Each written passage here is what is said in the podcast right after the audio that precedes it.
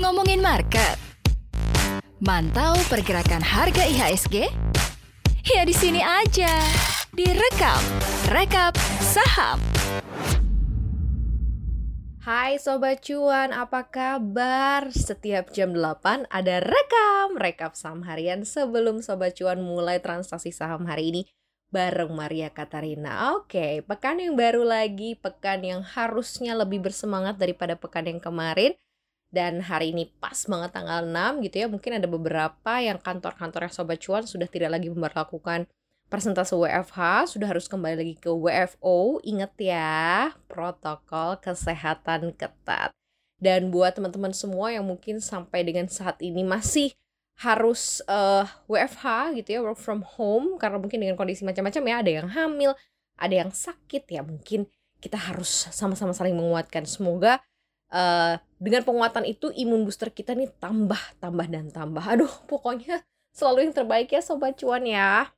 Sebelum kita lihat apa saja yang akan cukup mengganggu atau mungkin menyemarkan pasar ya di pekan ini, kita akan lihat dulu, kita akan review apa-apa saja yang terjadi di pekan lalu. Berikut ini. Pekan yang kemarin kan pekan awal bulan September ya, yang cenderung ini kayaknya dihindari investor untuk investasi di pasar saham. Namun pada pekan di awal September kemarin ini IHSG itu justru malah tumbuh positif dibandingin pekan sebelumnya di mana indeks bursa saham acuan nasional tersebut melesat 1,42 persen secara point to point di pekan kemarin, di mana dalam periode harian IHSG yang terkoreksi pada Rabu aja nih 1 September dan Kamis 2 September sehingga ditutup di perdagangan Jumat dengan melesat 0,8 persen ke level 6.126,92. Selama pekan kemarin nilai transaksi mencapai 55,4 triliun rupiah dan investor pun melakukan aksi beli bersih di pasar reguler sebesar 1,6 triliun sepanjang pekan kemarin. Sementara itu, kalau dari data mata uang Garuda ini juga kembali sukses mempertahankan penguatan melawan dolar Amerika Serikat sepanjang pekan, di mana penguatan rupiah terhadap sang greenback bahkan lebih baik dari pekan sebelumnya. Melansir dari data definitif di pekan kemarin, rupiah mampu melesat 1,08 persen secara point to point ke level 14.260 rupiah per 1 dolar Amerika Serikat pada perdagangan Jumat. Good news kan? Good news dong di awal bulan September ya. Nah sekarang kita fokus nih Sobat Cuan. Kita ke info selanjutnya. Apa saja yang akan terjadi di pekan ini? Inilah poin-poin penting yang masuk ke dalam radar rekam pekan ini. Di pekan ini ada beberapa data ekonomi dari benua biru dan paman Sam yang akan menggerakkan pasar di hari Selasa, di mana data tingkat pengangguran Uni Eropa akan rilis. Per bulan Juli, tingkat pengangguran Uni Eropa berada di kisaran 7,6 persen, turun dari 7,8 persen di bulan Juni. Kemudian melesatnya virus COVID-19 varian Delta ini menyebabkan perekonomian yang kembali macet serta pembatasan perjalanan di setiap benua biru atau di sepanjang benua biru yang tentunya kemungkinan besar akan berpengaruh kepada tingkat pengangguran Uni Eropa. Apalagi mengingat bulan ini merupakan bulan-bulan banyak wisatawan yang berkunjung. Selanjutnya di hari Selasa, Bank of Canada akan melakukan pertemuan untuk menentukan kebijakan moneter serta tingkat suku bunga di mana BOC terus menahan tingkat suku bunga di angka 0,25% persen sepanjang krisis pandemi dan para ekonom juga menganggap ini belum ada perubahan ya di pertemuan kali ini. Meskipun demikian, tingkat suku bunga yang mini ini menyebabkan banyak orang menganggap munculnya bubble di sektor perumahan Kanada mirip seperti yang terjadi di Amerika Serikat ketika The Fed melakukan tapering pembelian aset. Sementara itu dari Amerika Serikat, indeks harga produsen inti untuk bulan Agustus akan rilis di mana harga-harga komoditas seperti besi, tembaga, dan kayu juga mulai turun dari posisi tertingginya di bulan lalu. Meskipun demikian, rantai pasokan masih terganggu dan menyebabkan pengantaran bahan baku yang terlambat yang menyebabkan harga-harga komoditas juga tetap tinggi. Sementara dari benua kuning, data neraca dagang dan inflasi China bulan Agustus akan dipantau oleh pasar pada hari Selasa dan Kamis. Tidak lupa juga ada rilis pertumbuhan ekonomi Jepang di kuartal kedua yang akan dipantau pada hari Rabu.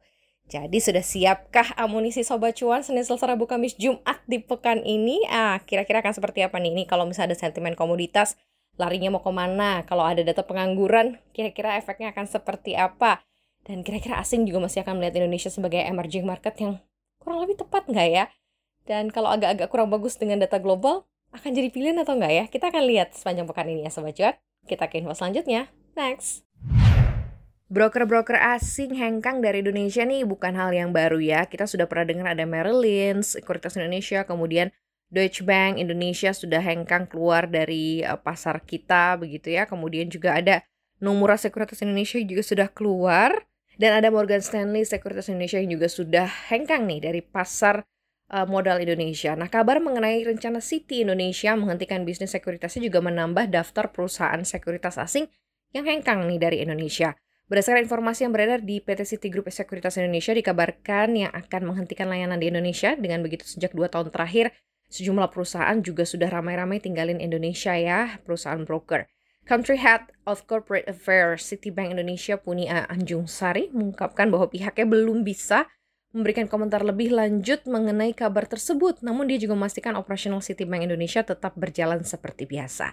Seperti diketahui ya, sebelumnya Citibank keluar dari bisnis consumer di 13 negara, termasuk di Indonesia. Namun untuk bisnis sekuritas dan fixed income atau bisnis instrumen pendapatan tetap obligasi masih tetap berjalan atau tetap dipertahankan di Indonesia. Direktur Citigroup Indonesia John Tambunan mengatakan bahwa bisnis Citibank ini masih uh, akan meninggalkan Indonesia ini hanya retail consumer aja katanya. Sedangkan corporate banking masih akan tetap beroperasi seperti biasa. Ya, kondisi seperti ini ya, efisiensi, kemudian juga mungkin pengetatan terhadap kondisi likuiditas perusahaan ini dilakukan dengan caranya adalah stop bisnis. Nanti kalau misalnya sesuatu yang sudah kembali membaik, mungkin akan dibuka lagi. Jadi kita uh, positive thinking aja lah ya untuk saat ini mungkin perusahaan perlu relaksasi. Oke, okay, kita ke info selanjutnya Sobat Cuan. Perusahaan badan usaha milik negara BUMN kini ramai-ramai melebarkan usahanya ke penyedia layanan internet. Apa sebenarnya rencana Menteri BUMN Erick Thohir selanjutnya ya? Seperti diketahui PT Jasa Marga Persero Tbk melalui anak usahanya PT Jasa Marga Related Business menyediakan jasa layanan internet. Ada juga PT Perusahaan Gas Negara atau PGN yang memiliki bisnis internet di bawah PT Telemedia Dinamika Sarana dengan brand untuk produk internetnya bernama Gasnet. Dan berikutnya juga ada PLN Persero yang terjun ke bisnis internet melalui anak usahanya PT Indonesia Comnet Plus atau Icon Plus, di mana melalui anak usahanya tersebut BUMN Setrum ini melahirkan produk layanan internet broadband full fiber optic dengan nama iConnect yang diluncurkan pada 31 Mei 2021 lalu dan sebelumnya brand ini dikenal juga dengan nama Stromnet. Menteri BUMN Erick Thohir berencana nampaknya melakukan konsolidasi perusahaan plat merah dalam melayani jasa penyedia internet. Dan hal ini ditegaskan oleh Erick menyusul masuknya sejumlah perusahaan BUMN ke lini bisnis jasa layanan internet yang sudah lebih dahulu dijalankan oleh PT Telkom Indonesia Tbk lewat IndiHome. Oleh karena itu, menurut Erick perlu ada konsolidasi bisnis nih antara BUMN yang memiliki lini usaha yang sama. Iya kok, kan sama-sama broadband, sama-sama internet ya. Kalau digabungin pasarnya makin luas, cuannya kayaknya makin banyak nih ya. Top lah buat Pak Erick Thohir. Nah, Sobat Cuan, segitu aja ya Maria Katarina ini uh, cuap-cuap di podcastnya cuap-cuap cuan pagi-pagi supaya Sobat Cuan tuh nggak pusing gitu ya harus fokusin ke mana tapi yang jelas tadi beberapa informasi-informasi yang mungkin saja akan menggerakkan pasar sudah diberikan ke Sobat Cuan semuanya. Permintaan saya cuma satu sobat cuan, tetap semangat. Harus semangat dan selalu semangat. Semangat jangan pernah luntur ya. Kita harus sama-sama berjuang menghadapi kondisi ini di tengah pandemi. Jangan lupa dengerin podcastnya Cuap-Cuap Cuan di Spotify, apa Podcast dan juga Google Podcast. Jangan lupa follow Instagram kita gampang banget di @cuap underscore cuan dan subscribe YouTube channel kita di cuap cuap cuan. Akan selalu ada konten menarik yang kita sajikan untuk sobat cuan. Dan kalau ada ide nih kita harus ngapain sobat cuan? Bolehlah silahkan mampir ke Instagram dan tulis komen ya. Harus gini harus gini harus gini.